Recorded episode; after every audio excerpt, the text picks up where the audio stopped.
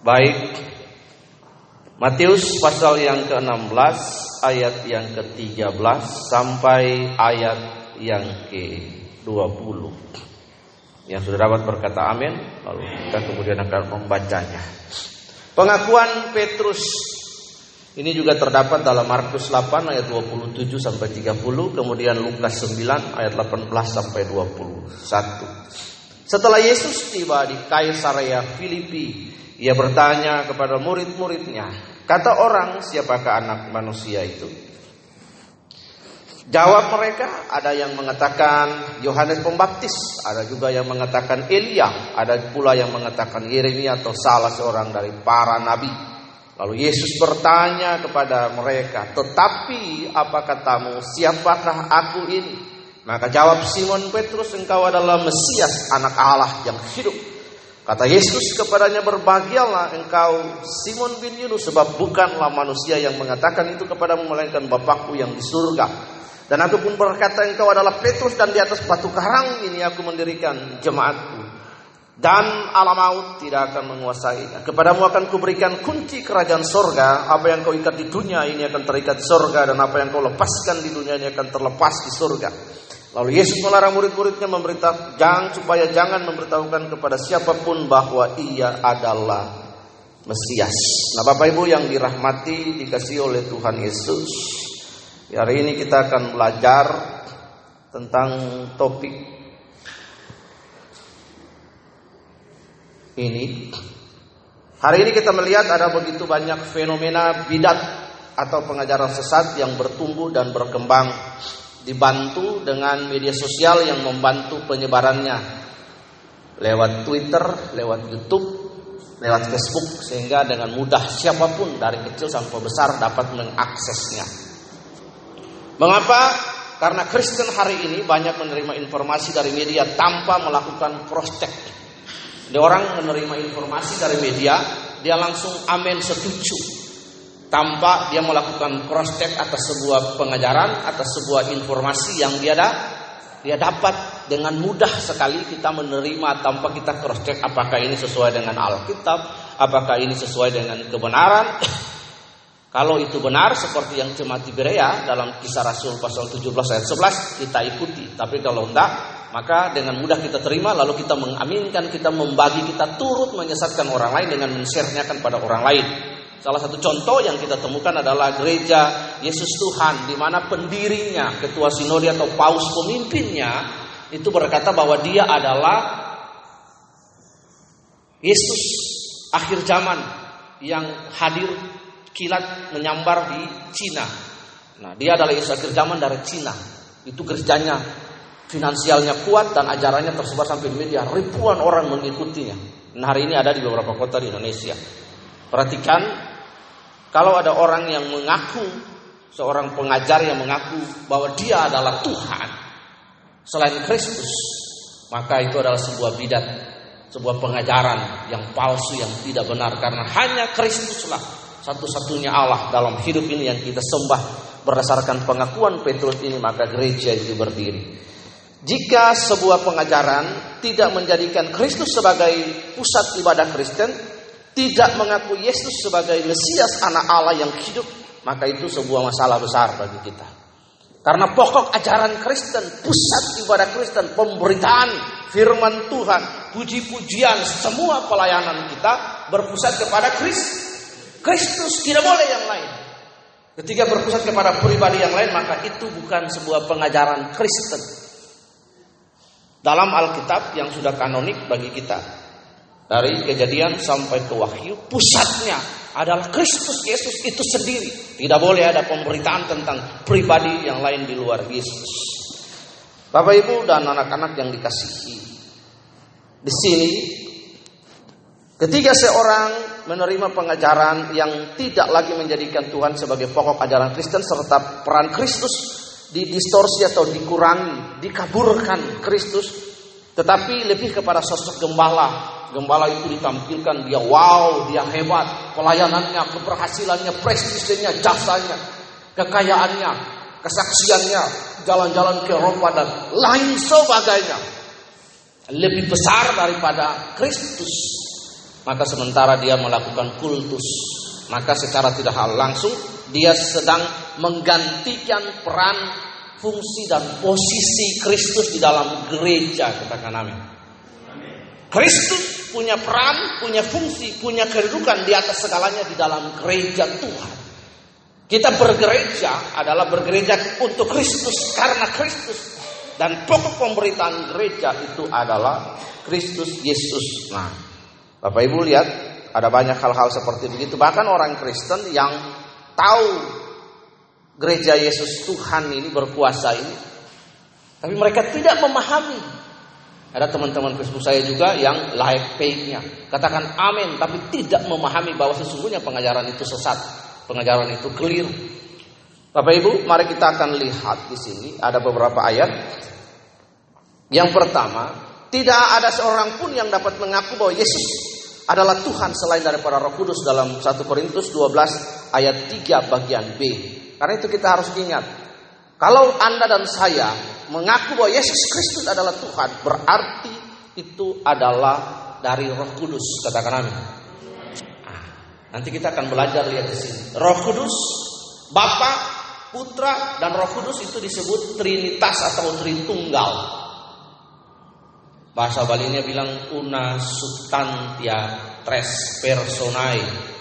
Satu hakikat dalam tiga pribadi. Hipotastis Allah. Nanti kita lihat dalam ini supaya Anda paham bagaimana gereja Betel Indonesia memahami ini dengan benar. Tidak ada seorang pun yang dapat mengakui itu selain dari Roh Kudus.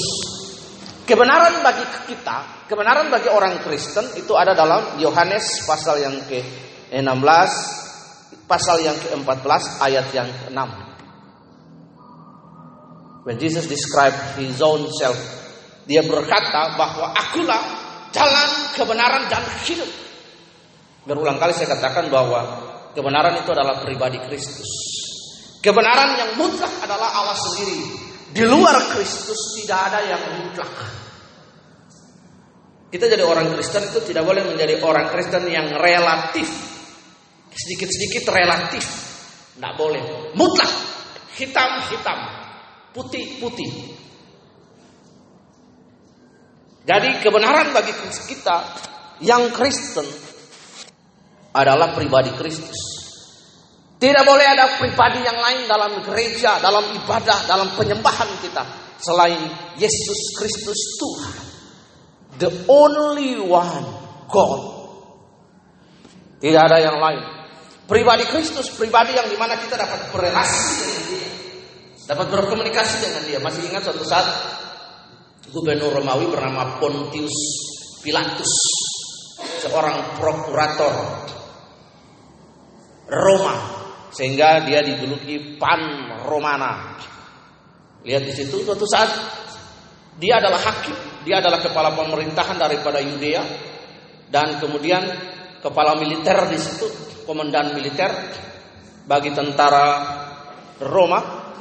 Dia membuat dan membuat keputusan sama seperti Indonesia dijaga oleh VOC, Venerikde Oost Indische Company atau Belanda. Lihat ya, Gubernur VOC membuat keputusan.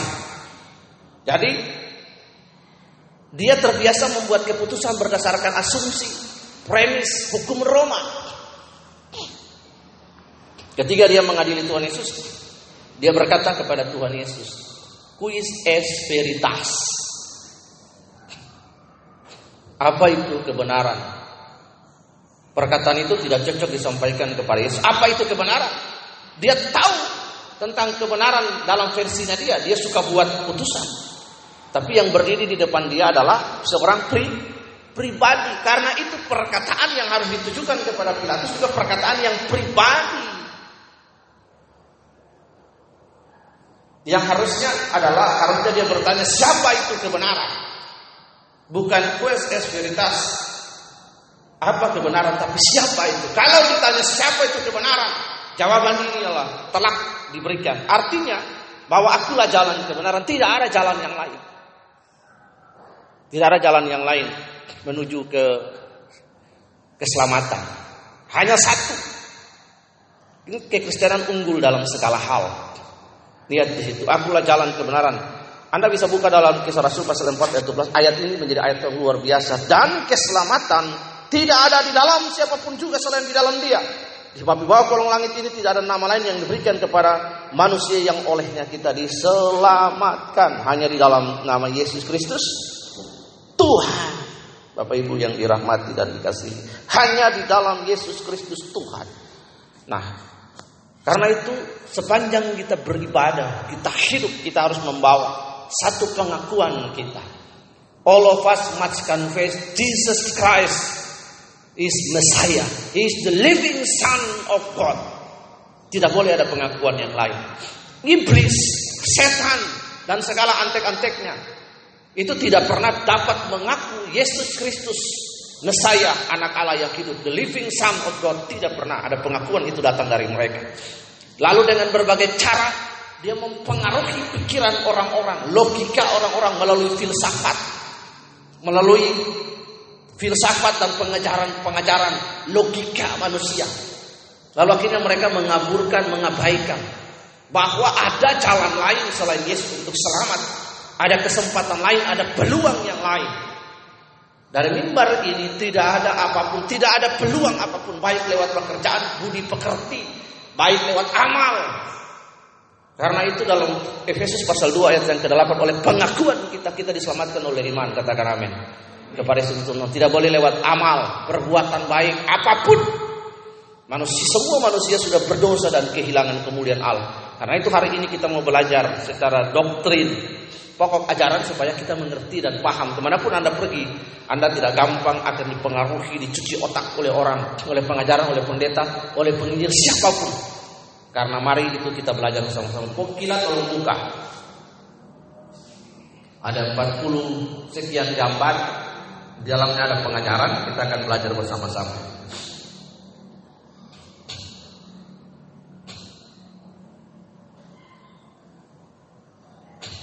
Ya. Sikap balik dulu. Ini sikap teologis gereja Betel Indonesia. Next. Balik ya. Pengakuan iman gereja Betel Indonesia versi singkat. Bapak Ibu lihat. Nah, yang tadi nomor dua pengakuan ya. Yang pertama kita harus mempercayai bahwa Alkitab adalah firman Allah. Perhatikan ya. Alkitab Bible is the word of God, not content. The word of God. Kalau ada orang tanya apakah Alkitab? Alkitab adalah firman Allah. Ya, Alkitab adalah firman Allah. Bukan Alkitab berisi firman Allah. Dengar baik. Kalau ada orang tanya apakah Alkitab firman Allah? Iya, Alkitab firman Allah. Ada dasar ayatnya. Di dalam 2 Timotius pasal yang ketiga ayat yang ke-16. Ya, bahasa Kupangnya bilang Pasagrafe, Theopnitos, Kai Ovelimos, Pros Eparnotosin, Ten Io Dio Kayusumi.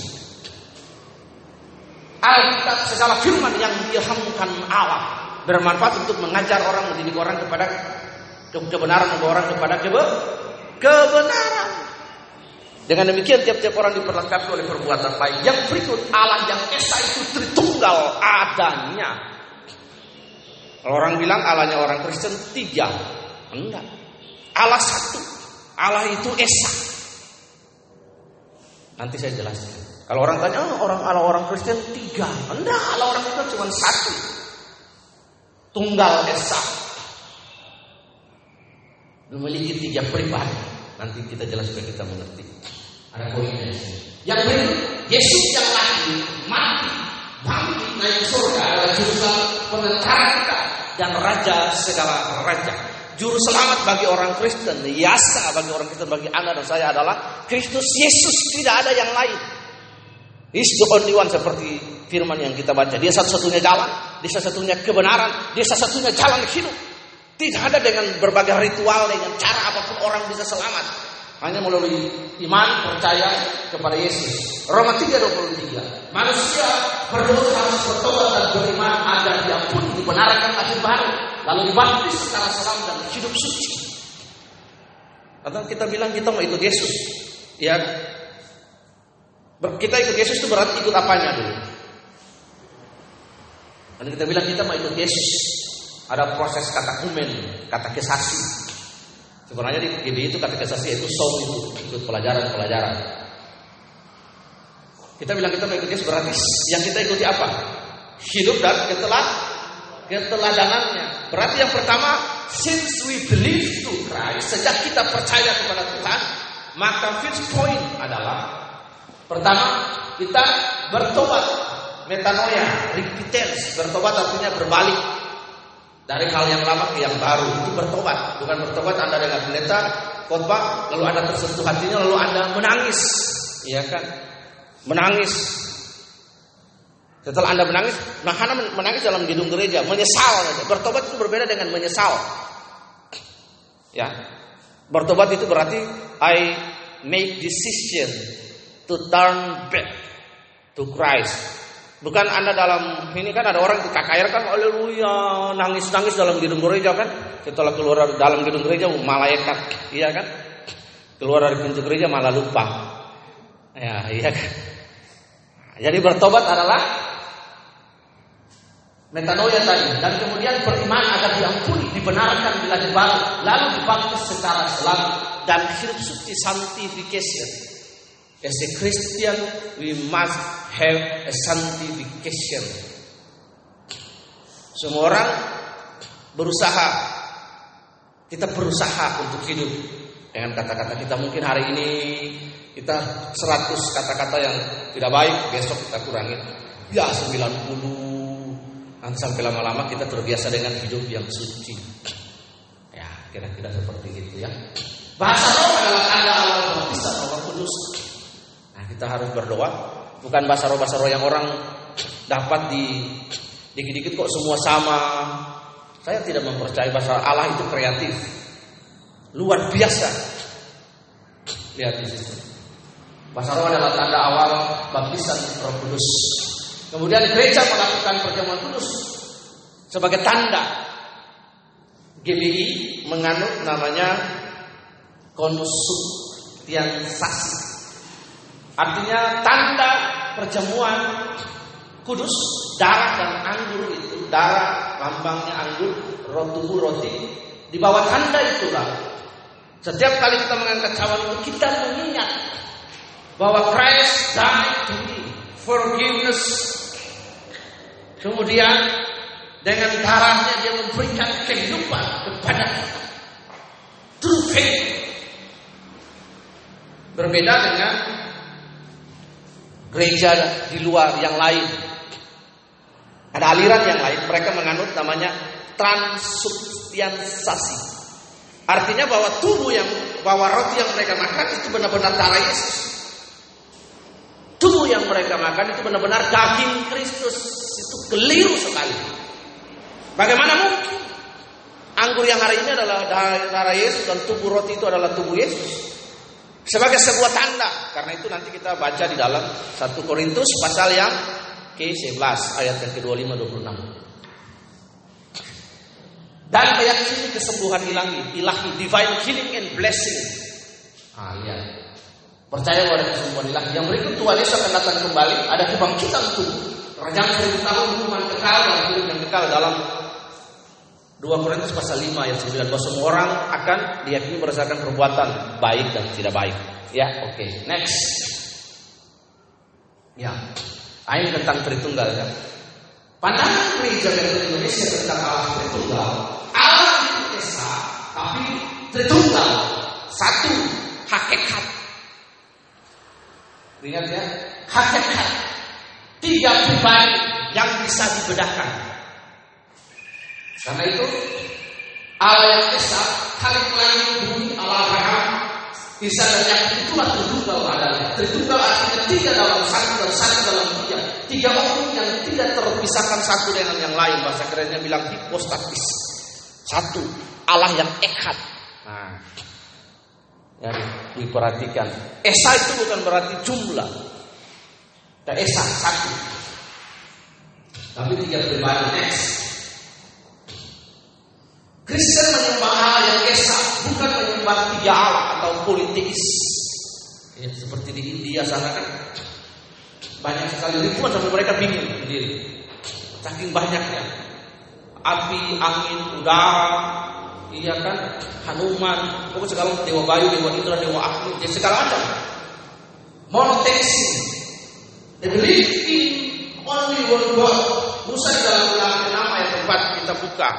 Dalam ulangan ini tetap gila, tapi buka dari Alkitab yang Bapak Ibu bawa di OHP tetap gambar ini. Ulangan pasal yang keempat kita melihat ulangan pasal 4 ayat yang ke-6.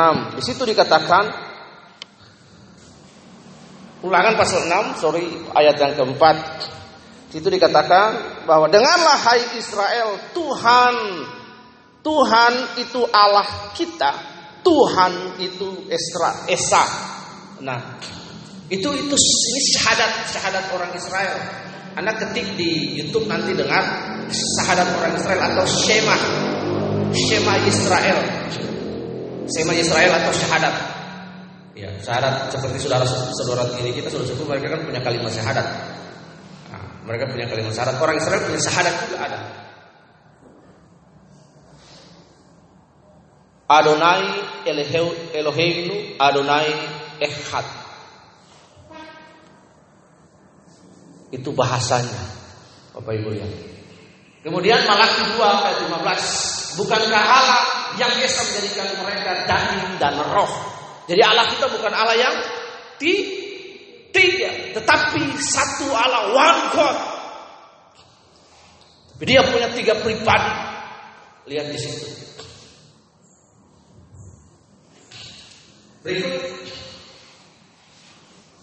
Jawab Yesus. Hukum yang terutama ialah nama yang orang Israel. Tuhan itu Allah kita. Tuhan itu Esa. Yesus yang adalah Allah juga menyampaikan hal yang sama. Yesus adalah Allah dalam inkarnasinya sebagai manu, manusia. Yesus adalah Allah, Allah Bapa, Allah Anak, Allah Putra. Nah, lihat karena manusia berdosa, maka Allah harus datang dalam merupa manusia itu. Nah, nanti lihat di sini. Tuhan itu Esa. Inkarnasi. Orang Kristen percaya inkarnasi, bukan reinkarnasi. Harus diingat ya. Inkarnasi Allah dalam natur manusia. Dalam rupa manusia. Supaya dia menyelamatkan Anda dan saya karena begitu besar kasih Allah akan dunia ini sehingga dia memberikan anak yang tunggal supaya setiap orang yang percaya kepada tidak binasa akan memperoleh hidup yang ke yang kekal. Nah, nanti Anda dapat bayangkan di situ Allah Indonesia. Jadi yang mati di atas kayu salib itu bukan Allah. Bukan Yesus, tapi manusianya. Dia punya dua natur. Natur yang ilahi dan natur manusia. Nah, supaya kekristenan itu terbukti bukan dongeng. Iya kan? Yesus mau dapat merasakan lapar, haus, dia minum. Tapi dia juga pada saat yang sama dalam manusia imanen Allah. 100% Allah, 100% manusia. Lihat di situ.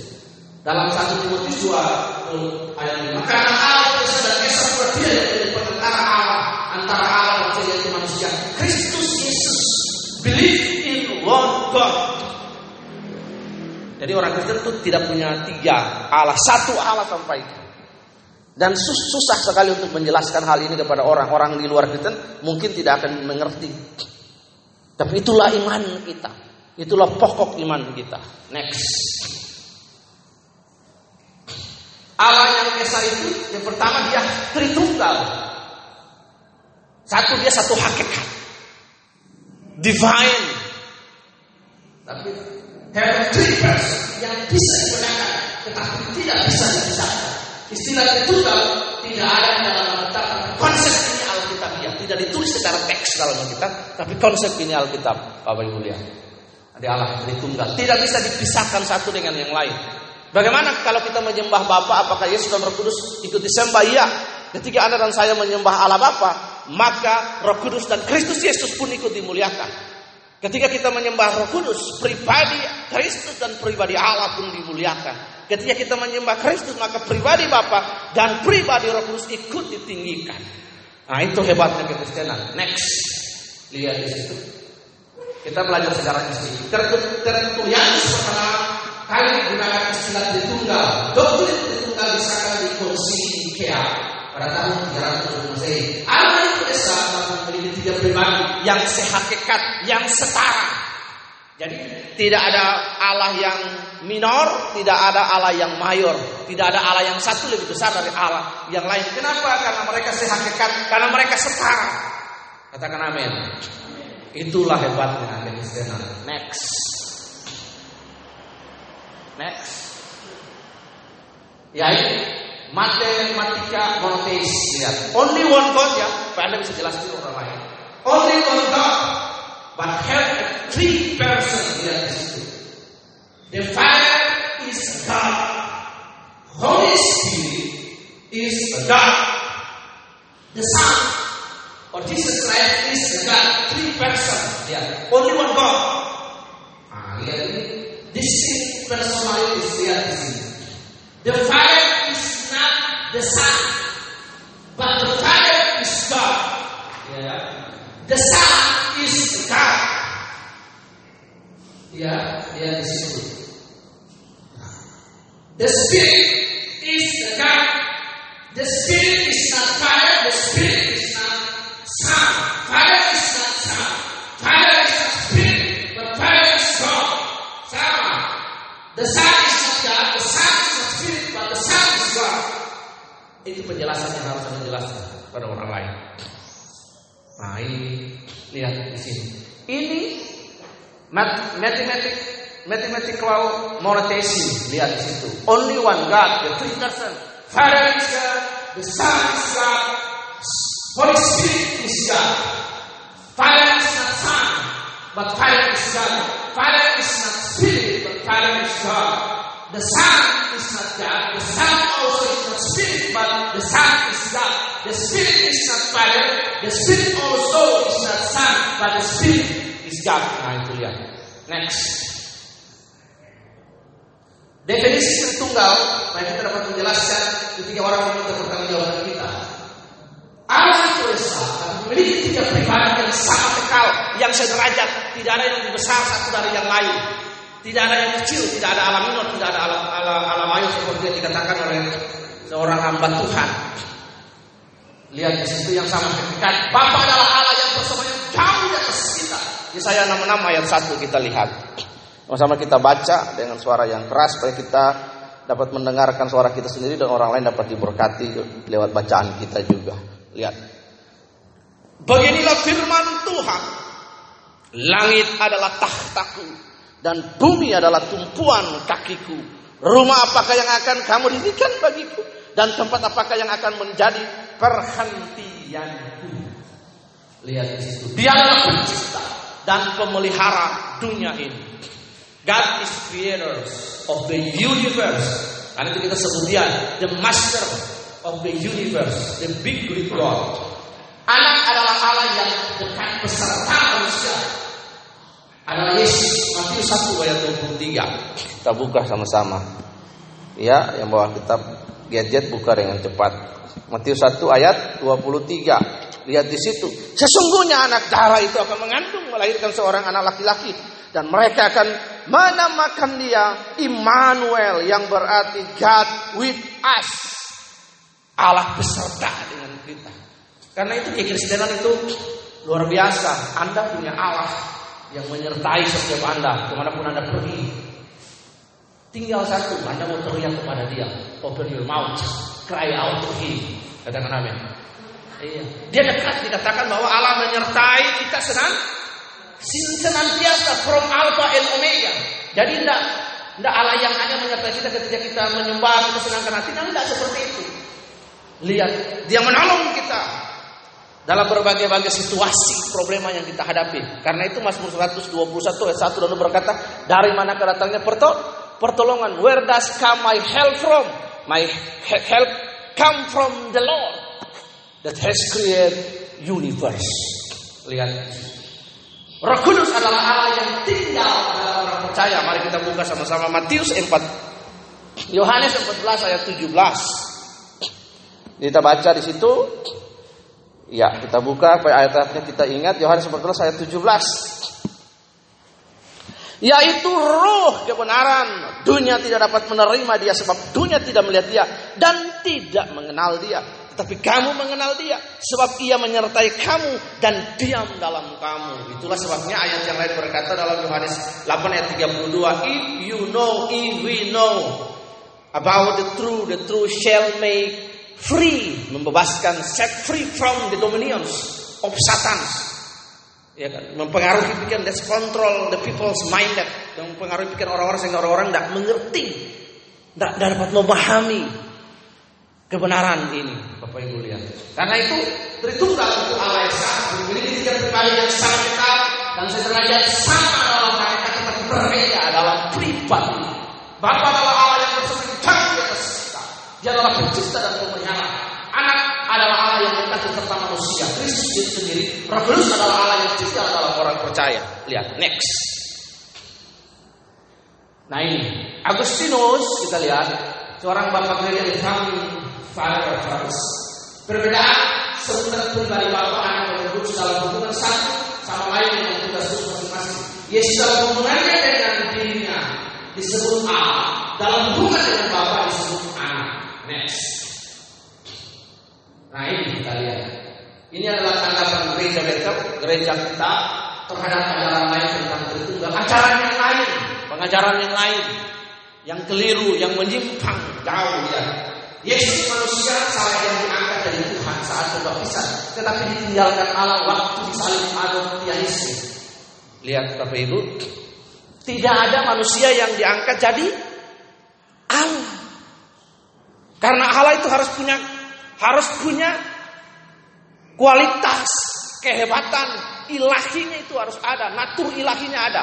Manusia nggak punya natur ilahi, Bapak Ibu. Karena itu kita lihat dalam Yesaya pasal 4, pasal 9 ayat 5. Namanya disebutkan orang yang pertama penasihat yang ajaib. Telah lahir bagimu seorang juru selamat di kota Daud. Wonderful Counselor, penasihat yang ajaib. Almighty God Allah yang perkasa. Everlasting Father, Prince of Peace. Nggak ada itu pada manusia. Siapa pun dia. Ini Yesus diangkat dari manusia jadi Tuhan. Tidak ada orang angkat Yesus jadi Tuhan. Dia Tuhan dari sono dengan sendirinya. Dia Tuhan dengan sendirinya. Tidak ada orang angkat-angkat dia jadi Tuhan. Lihat, Allah itu satu pribadi memiliki tiga jabatan sama ini tidak ada tiga jabatan, tiga pribadi. Allah itu satu hakikat tetapi tiga pribadi. Lihat, next. Roh Kudus pribadi ketiga Allah secara relatif tidak mutlak karena Roh Kudus selalu menyatu atau bisa dengan Bapa. Jadi Allah bisa tertunggal tapi juga bisa ditunggal. Bapa dan anak ini pengajaran yang keliru. Gara-gara pengajaran inilah satu pendeta besar keluar dari GBI. Karena dia punya pemahaman yang keliru. Bayangkan satu orang melawan satu denominasi besar dan ribuan gereja. Cabang GBI di seluruh dunia sampai di seluruh dunia Bapak Ibu lihat. Gereja terbesar di Indonesia salah satunya kita. Bapak dan anak ditunggal, keliru. Yesus memiliki risiko terpisah dari Bapak selama-lamanya. Karena dia nggak taat, nah, dia adalah Allah. Dia nggak terpisah daripada Allah. Nanti kita lihat teori kenosis. Ajaran itu terus pribadi ketiga yang mutlak setara dengan Bapak, anak bisa dibedakan, tidak bisa dipisahkan di Yohanes 10 ayat 30. Kita baca tiga ya. Tiga ya. Ya. Aku dan Bapak adalah satu. Bila Yesus terpisah dengan Bapa selamanya, akan berubah dari tiga menjadi dua. Padahal Allah tidak berubah. Allah tidak pernah berubah. Karena itu orang Kristen kita percaya. Iya, Allah tidak berubah. Tidak pernah berubah. Yang berubah manusia. Katakan amin. Allah tidak pernah berubah baik kemarin, hari ini, esok dan selamanya. Ya manusia berubah, Allah tidak berubah. Tidak lekang oleh waktu dan apa pun. Luar biasa kedinasan Allah kita ya. Next. Ada ayat lain juga yang menjelaskan bahwa lihat manusia ketika istri dia menikah dengan suami maka dia memikul marga su, suami. Dia menjadi satu dengan suami kepala keluarga dua apa satu? Satu. Ya, ada yang menikah dengan Herianto Udak, misalnya Purwaningsi, Tri Purwaraharjo, siapa Yustiningsi kan gitu kan, misalnya menikah dengan Herianto Udak, ya, Maka namanya dia adalah Nyonya U. Nyonya Uda. Nyonya Deru misalnya. Kepalanya cuma satu, masa keluarnya kepala dua. Kepala satu dia memikul family name. Lihat. Nah mari sikap kita lihat yang berikut sikap BPI tentang keselamatan. Lihat waktunya dulu. Sudah berapa kalau panjang, nah ini sudah 35. Oke, kita lanjut nanti sisanya kita jelasin besok. Ya, sikap teologis ini tentang keselamatan. Next. Keselamatan adalah anugerah Allah yang diterima oleh iman, bukan karena amal. Kita nggak pernah bisa diselamatkan oleh amal karena perbuatan baik. Ada manusia yang baik di dunia ini? Hah? Tidak ada. Ada manusia yang suci di dunia ini? Tidak ada. Tapi kita temui pada kenyataan di lapangan ada disebut orang su, orang suci. Orang suci itu bukan disucikan oleh Tuhan dia, tapi disucikan oleh ritual. Nah, itu kan disuci. Nggak ada yang suci semua manusia sudah berkuasa kehilangan kemuliaan. Yang suci yang kudus Tuhan. Kita yang percaya kepadanya dibahawi bertobat lahir baru kita hidup kudus. Nah, kita disucikan dikuduskan di situ oleh Kristus bukan oleh ritual agama.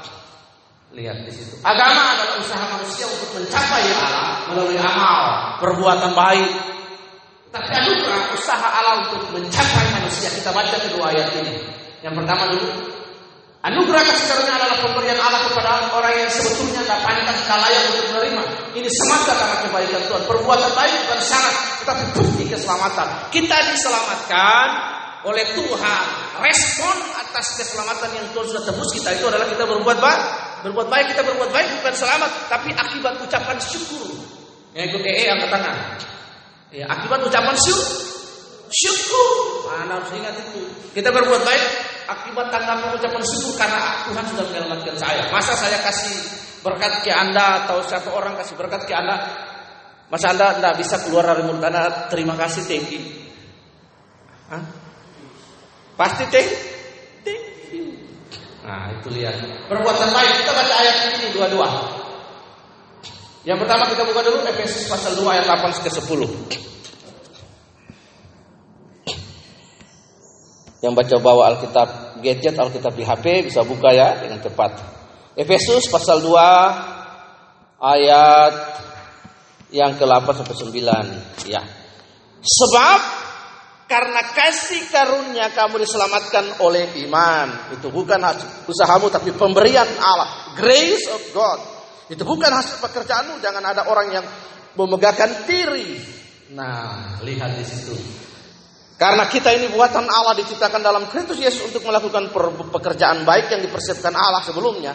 Yang mau supaya kita hidup di dalamnya. Ayat yang berikut kita baca Yohanes 15 ayat yang ke-16. Ya. Yohanes 15 ayat yang ke-16 di situ.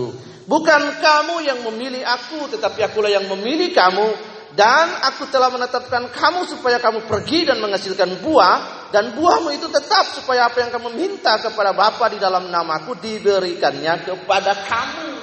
Nah, itu lihat. Amin. Nah, next. Kita lihat ajaran yang lain. Orang yang hidup dalam zaman perjanjian lama sebelum Yesus datang, misalnya ada Abraham, Ayub, selamat baik, karena mentaati hukum. Itu ajaran lain ya. Ajaran gereja Indonesia, orang masa PL selamat karena beriman kepada Allah yang dan tidak Mesias yang akan datang. Kejadian 3 ayat 15 kita sebutnya proto evangelium. Kita buka sama-sama kejadian pasal 3 ayat yang ke berapa itu? 15. Nah. Kejadian 3 ayat 15. Aku akan mengadakan permusuhan antara engkau dan perempuan ini. Keturunanmu akan keturunanmu dan keturunannya, keturunannya akan meremukan kepalamu dan engkau akan meremukan tumitnya. Ah, di situ lihat. Bagaimana ayat ini digenapi? Ayat ini digenapi ketiga iblis setan menggunakan momentum yang pertama dia gagal pembunuhan anak-anak sulung kan? Anak-anak sulung di Ramah. Ketika orang Majus datang, Herodes nggak dapat, dia menggunakan Herodes. Tapi Yesus akhirnya dengan orang tua lari ke Mesir. Mereka hidup sana dua tahun. Pertama dicoba Yesus dulu kan. Setelah itu kedua dicoba Yesus di padang gurun. Lalu ayat Alkitab pada pasal 4 ayat terakhir. Lalu dia mengundurkan diri dan menunggu saat yang ke tepat tiga kali usaha pembunuhan. Bayi Yesus yang pertama. Kemudian percobaan di padang gurun. Yang ketiga. Pencobaan yang padang gurun dia mau coba supaya Yesus itu jatuh menyangkal kelahiran lalu membuat sombong akhirnya bagaimana kita lihat di situ. Yesus submit kepada Bapa apa enggak? Lihat. Yang berikut adalah di atas kayu salib.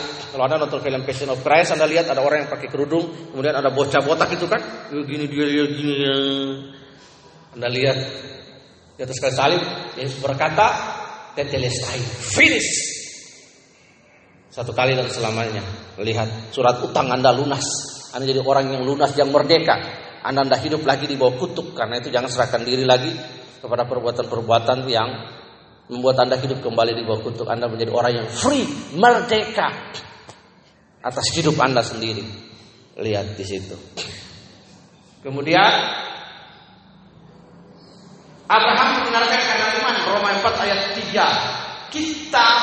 Israel Mesias yang sudah datang. Next. Ajaran lain manusia misalnya suku kerasir yang tidak pernah mendengar ini bisa selamat karena itu suara hati nurani untuk berbuat baik, yaitu melakukan apa yang dituntut oleh hukum torah. Ajaran lain keliru. Ajaran yang benar sesuai kita adalah hati nurani mengerahkan pada hukum torah Roma 2 ayat 11 16. Padahal hukum torah tidak menyelamatkan Galatia 3 Apalagi hasil Quran seperti halnya orang semua orang hanya dibenarkan karena iman, baik PL maupun PB. Abraham have faith to God. He believed to God when God called him. Ya kan? Keluar dari get away from your fatherland. House dia percaya itu imannya yang menyelamatkan. Akhirnya disebut bapak orang beri bapak orang beriman. Dia lihat enggak? Enggak. Dia enggak lihat. Puji Tuhan celana ini sudah longgar berarti ada orang yang nanti dapat. Ya, mungkin karena tadi malam bikin kayu itu jadi lemah keluar. Ya. Next. Orang yang percaya Injil dan sempurna secara moral memberikan Tuhan Kristus tetapi yang dengan Injil tak berbuat baik di selama dan mereka dan diajarkan masyarakat ini akan datang. Ini pengajaran yang keliru juga. Katanya nanti mereka ah, ada gubernur, wakil bupati, bupati dan segala macam jenderal di sana lah. Lihat di situ. Orang yang secara moral. Anda perhatikan, ini pengajaran yang keliru. Perhatikan anak muda. Cerita anak muda di Alkitab, dia berkata apa? Tuhan saya tidak mencuri. Itu mau, itu moral. Secara moral. Tuhan aku tidak mencuri, aku tidak membunuh, aku tidak berzina. Itu moral. Moralnya baik. Tapi Tuhan bilang apa? Pergi sana kau jual hartamu kemudian balik kita aku. Dia ndak bersedia. Ah, karena hatinya berapa Tuhan bilang apa? Di mana hartamu berada, di situ hatimu ber. Kata berada itu artinya terpaut. Ukuran. Coba kita bayangkan, padahal kita lahir buka mata, lalu kita besar, kita bekerja, kita nggak bawa apa-apa ke Alkitab bilang kita nggak bawa apa-apa ke dalam dunia ini kan? Semua kita dapat setelah kita lahir kita bekerja kan? Ya lalu kenapa kita harus hati kita itu ke situ yang penting hidup kita. Ada orang suami istri yang setia dari awal, hidupnya sama-sama kurang-kurang, sederhana. Mereka diberkati Tuhan akhirnya punya mobil, punya ini, punya itu. Iya kan? Karena setelah punya ini, punya itu, satu sosialnya naik. Iya, dulu istrinya ndak pedicure, manicure. Sekarang pedicure, manicure. Nah, dari punya kepingin mobil satu, mobil dua Tuhan berkati ya. Akhirnya kepingin punya istri dua, kepingin punya suami dua. Nah, lihat. Semua kita nggak bawa. Jadi hati kita harus terpaut kepada pribadi Kristus. Suami anda, istri anda, satu, bukan dua. Nah itu ingat. Berikut, eh balik dulu lihat. Alkitab mengajarkan ini adalah sebuah tidak ada yang untuk percaya orang percaya kepada Yesus. Yohanes 3 16. Kesalahan Yesus seperti kain kotor. Jika ada keselamatan lain, Yesus tidak perlu mati di atas kayu salib bagi kita. He's the only one way ya, way bukan ways. Kalau ada S di belakang kata berarti ada jalan, jalan yang lain. But only way, one way, satu aja. Next. Apa Yesus satu-satunya jalan selamat? Ada tiga pandangan, pandangan pluralisme. Tidak ada kebenaran mutlak. Siapa bilang? Kristus adalah kebenaran mutlak bagi kita. Semua relatif. Yesus hanya satu jalan semua agama segala macam asal orang datang kepada agamanya. Nonsense. Tidak ada. Tidak ada relatif. Satu, tunggal. Dia yang juru selamat, Kristus, tidak ada yang lain. Di luar Kristus tidak ada selamat. Yang ke, yang ketiga Anda lihat inklusivistik. Yesus satu-satunya jalan tetapi ada hidden atau unknown Christ. Di berbagai agama Allah berinkarnasi dalam Yesus menurut, menurut Kristen dan menurut yang lain, tapi Allah juga berinkarnasi dalam semua agama dan budaya. Jadi yang selalu bukan hanya orang yang Kristus, tapi yang sungguh menaati ritual masing-masing. Ini melemahkan visi Kristen. Yang benar adalah eksklusivisme. Yesus adalah jalan keselamatan Yohanes 4 14 ayat 16 akulah jalan kebenaran dan hidup tidak ada yang lain. Yang kedua Yohanes 3 ayat 16 ini yang diyakini oleh gereja Betel Indonesia. Yang benar ya Alkitabiah. Next. Nah, ajaran yang lain ada keselamatan ada kesempatan keselamatan setelah kematian karena Yesus memberikan Injil kepada roh orang mati satu Petrus 3 9 ayat 20 ada penunjukan kepada arwah orang mati sudah pernah dan orang ini sudah dikeluarkan dari itu jadi dia pergi ke orang mati ke kuburan. Oh dia berkhutbah di kuburan. Bikin ibadah KKR orang bikin ibadah KKR di kuburan asli mereka nyanyi tepuk tangan haleluya ada dia khutbah dalam kuburan benar ada pendeta satu Andres Samudra dulu. Ya, dia khotbah di kuburan dia pergi kuburan di depan kuburan misalnya kuburan itu ada nama. Kuburan itu misalnya ada nama bangki jenazah. Hei bangki jenazah. Ketika engkau belum bertobat, engkau percaya Yesus hai bangki. Ah, itu. Kuburannya dikhotbahkan. Injil padahal. Dengar baik, Injil adalah kabar baik. Injil dalam Roma dikatakan bahwa adalah kekuatan Allah yang menyelamatkan semua orang yang per percaya. Kita buka dulu. Nah, satu ayat terakhir ini. Kita sampai di topik keselamatan saja dulu. Ya, karena terlalu panjang nanti Anda tidak nangkap. Lihat. Roma pasal yang ke-1 ayat 16. Itu benar. Nah, lihat. Ya, Roma pasal 1 ayat 16 yang sudah dapat kita baca dengan suara yang lantang karena ini luar biasa sekali ayat ini, kebenaran firman yang luar biasa. Sebab aku mempunyai keyakinan yang kokoh dalam Injil. Karena Injil adalah kekuatan Allah yang menyelamatkan setiap orang yang percaya. Pertama-tama orang Yahudi tapi juga orang Yunani dan semua kita lihat di situ. Dan Injil itu hanya bagi manusia yang hi hidup selama dia hidup. Entah dia sudah sekarat kah, entah dia sudah tarik nafas, selama dia hidup nafas masih ada. Masih bisa. Tapi kalau sudah tidak ada pemberitaan Injil kepada dia lagi. Kalau dia masih koma, bisalah bisikin di telinganya dia gerak-gerak, air mata jatuh. Ada orang yang koma aja, ketika suaminya atau istrinya bilang I love you, langsung dia gerak-gerakan tangannya. Koma kan, air matanya jatuh. Itu, tapi ada yang buat lucu. Ya, ada orang yang sudah koma, istrinya nggak sadar. Nah, gini ya, Suaminya pegang tangannya, bilang aku mengasihi kamu. Tiba-tiba dia langsung bikin gini. Iya, iya. Karena itu kita percaya setelah mati dihakimi bukan Injil. Beritakan Injil. Dia harus to proclaim, to evangelize. Yesus beritahu mereka pasti dihukum karena mereka menolak kesaksian pemerintah kebenaran itu. Tidak ada penginjilan apa. Penginjilan kepada manusia yang hidup yang masih bernapas, masih beraktivitas. Nah, next. Ya. Predestinasi dan election. Ini nanti kita sambung minggu depan. Tapi itu adalah pandangan Gereja Battle Indonesia tentang pengajaran-pengajaran yang di luar supaya Anda paham.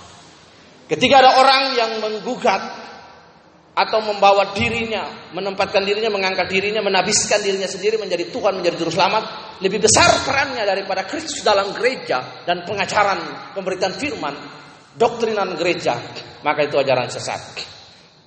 Kristus dengan segala kemuliaan, kemahakuasaannya, keilahian yang tidak terbatas.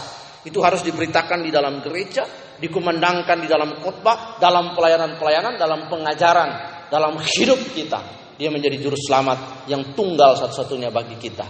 Tidak ada pribadi yang lain yang kita sembah, hanya Tuhan Yesus Kristus, Messiah, the living Son of God. Tidak ada yang lain. Tidak boleh ada pribadi yang lain hanya pribadi Allah. Katakan amin.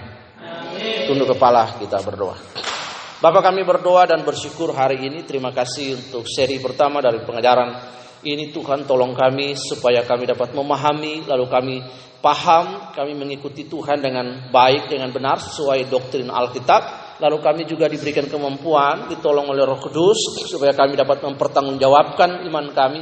Berapologetika ketika ada orang lain yang mempertanyakan iman kami. Dan kami Tuhan diberikan kemampuan untuk bisa berdiri kokoh mempertanggungjawabkan pokok ajaran iman kami Tuhan. Membela iman kami di dalam nama Tuhan Yesus. Kami berdoa dan mengucap syukur Roh Kudus tolong kami. Tuhan, Engkaulah yang menjadi pusat dari semua penyembahan kami. Hari ini Tuhan kami tahu berbagai kami semua kami yang datang kami punya kerinduan, kami punya beban dan persoalan-persoalan hidup. Kami tahu bahwa engkau tidak pernah meninggalkan kami. Kami percaya di dalam Tuhan Mazmur 121 ayat 1 bahwa pertolonganmu bagi kami. Dari mana datangnya pertolongan kami? Karena datang daripada engkau Tuhan. Kiranya engkau mampu, kiranya engkau Tuhan. Engkau menjawab semua doa-doa kami Tuhan semua pergumulan umatmu di dalam nama Tuhan Yesus. Engkau menjawab seturut kasih dan kehendakmu. Terpuji nama Tuhan kami sudah berdoa dan kami bersyukur di hari ini. Haleluya, haleluya. Sama-sama kita berkata, amin. Tuhan Yesus memberkati.